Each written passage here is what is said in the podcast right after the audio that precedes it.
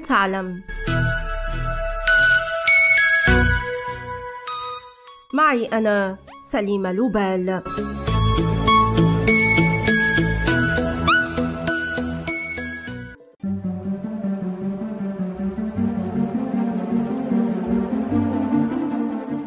أعجب الطالب الإسكتلندي آرثر كونان دويل خلال دراسته الجامعية بطريقة عمل أستاذ الجراحة البروفيسور جوزيف بيل الذي كان يفاجئ الجميع باستنتاجاته غير المتوقعة بمجرد أن يلقي نظرة على جثة القتيل فاستوحى منه شخصية شارلوك هولمز ومغامراتها التي استمرت سنوات طويلة. توفي الطبيب والكاتب دويل العام 1930 عن عمر ناهز السبعين عاما لكنه ترك بطلا ومحققا كبيرا أثار شغف الملايين من القراء بفضل رواياته الأربع. واليوم ما تزال هذه الشخصية تلهم المسرح والتلفزيون والسينما وحتى عالم الألعاب الإلكترونية. ألقت كتابات دويل عن مغامرات شارلوك هولمز بظلالها على تاريخ عالم الجريمة ففي تلك الفترة لم تكن البصمات ترفع من على مسرح الجريمة لقد كان المحققون يكتفون بشهادات الشهود وما يلاحظونه. لكن دويل خص شخصيته بميزة الاستنتاج والملاحظة. لذلك كان هولمز يبحث عن أدلة لإثبات الإدانة كما كان يحلل العلامات ويحاول إعادة بناء مشاهد الجريمة ليفهم ما حصل. كل هذا أحدث ثورة في عالم الجريمة. كان جوزيف بيل في التاسعة والثلاثين من عمره ويعمل في السلك العسكري وفي مستشفى إدنبرا حين التقاه الطالب آرثر كونان دويل. ويروى أن هذا الأستاذ الجراح كان شخصا مثقفا ومحبا للرياضة والطيور والشعر فضلا عن كونه شخصا مهووسا بدراسة سلوكيات البشر إذ قضى فترة طويلة من حياته في دراسة طريقة مشي البشر من حوله وتحليل لكناتهم لمعرفة أصولهم كما كان يتفحص الأيادي لمعرفة ما إذا كان من يحدثه من النخبة أو يمارس عملا يدويا. كما كان مهووسا كذلك بتفحص الوجوه لمعرفة مدى تعرض الأشخاص للشمس.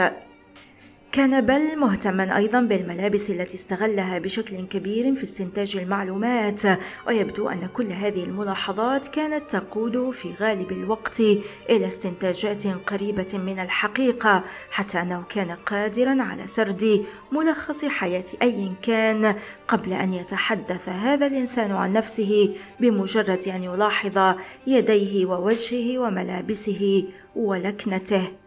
وأما نظريته التي حفظها تلميذه دويل عن ظهر قلب فهي أن العيون والآذان خلقت للرؤية والاستماع والذاكرة لتسجيل انطباعات الحواس وأما الخيال فدوره هو صياغة النظريات.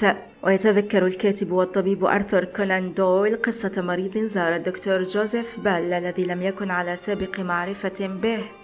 ما أن خرج المريض بعد الفحص. حتى أكد الطبيب بل أن المريض خدم في القطاع العسكري وغادره منذ فترة قصيرة جدا. ولما سأله دويل عن السبب أكد له أنه لاحظ أن المريض لم يخلع قبعته حين دخل الغرفة وكان هذا سلوكا رائجا عند العسكر وينم عن قلة احترام وذوق بين أفراد المجتمع. بينما لو كان قد غادر العسكرية منذ فترة لنجح في نسيان هذا السلوك. كان جوزيف بيل معروفا بملاحظاته الدقيقة ليس فقط في الجامعة وإنما من قبل شرطة سكوتلاند يارد التي كانت تستنجد بخدماته خاصة في قضية السفاح. Jack l'éventreur الذي أرعب لندن باستهداف النساء. بعد بضعة أعوام أرسل التلميذ لمعلمه رسالة أبلغه فيها بأنه الشخصية التي استوحى منها بطل رواياته. ليكتب الأستاذ لاحقا مقدمة إحدى روايات دويل بلغ عدد الكتب التي ألفت حول شخصية شارلوك هولمز حتى اليوم ستين مؤلفا بينها روايات دويل فيما أدى أكثر من سبعين ممثلا دور هذه الشخصية في التلفزيون والسينما كما أصبح بطل رسوم متحركة. كل هذا الانتشار حول هولمز من مجرد شخصية إلى أسطورة يمكن أن نلقي نظرة عليها بزيارة متحفه في لندن حيث أقيم له مكتب وتماثيل مصنوعة بالشمع.